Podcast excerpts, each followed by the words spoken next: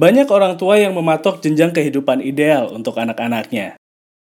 Sekolah setinggi mungkin, punya penghasilan tetap setiap bulan, dan pekerjaan yang bisa menjanjikan masa depan. Contohnya jadi PNS atau jadi karyawan di perusahaan besar. Sampai sekarang, masih banyak yang sepakat sama asumsi ini. Tapi sebagian lainnya justru ambil keputusan yang sangat bertolak belakang sama paradigma kemakmuran klasik ini. Bekerja secara freelance sering kali jadi pilihan millennials di zaman sekarang.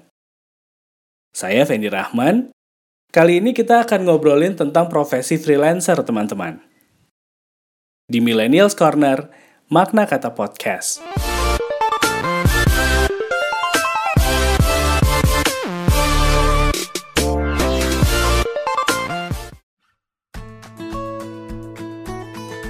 Salah satu ciri utama millennials adalah penguasaan teknologi yang mumpuni, teman-teman. Ciri ini akhirnya berkembang dan memicu seseorang untuk bisa bekerja di mana pun.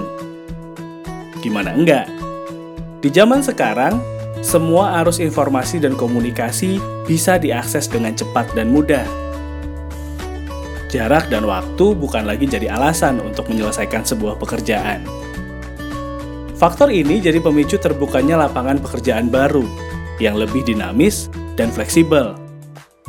Cukup klik beberapa kali, pekerjaan akan terkirim sesuai dengan pesanan klien.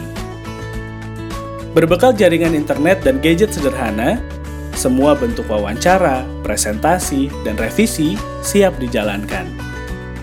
Gak cuma pekerjaan klasik yang tersedia untuk freelancer, banyak juga permintaan unik yang akhirnya jadi peluang untuk millennials bikin sebuah profesi baru. Mulai dari konten kreator, social media strategis, sampai food stylist teman-teman. Sama kayak kerja kantoran, jadi freelancer juga punya beragam konsekuensi. Walaupun bisa kerja di mana aja, mereka juga punya deadline dan revisi untuk setiap proyek yang diterima Keuntungan pekerjaan freelance ternyata nggak cuma dirasakan sama pekerjanya aja teman-teman. Tapi juga untuk perusahaan yang menggunakan jasa freelancer. Penghematan biaya produksi sudah pasti jadi keuntungan mutlak untuk perusahaan. Mereka nggak perlu keluarin biaya besar untuk merekrut karyawan baru. Cukup bayar hasil pekerjaan freelancer yang memenuhi kualifikasi sesuai budget yang dianggarkan. Intinya, Apa pun sistem kerja yang kamu pilih, gak ada yang salah kok. Mau kerja di kantor atau jadi freelancer, selama enjoy dan bisa bertanggung jawab, semuanya sah untuk dilakukan. Jadi gimana? Lebih tertarik kerja kantoran atau jadi freelancer? Kalau kamu punya ide yang keren, saran atau kritik, bisa DM saya via Instagram atau Twitter di @vendirahman atau kirim emailnya di vendirahman@gmail.com.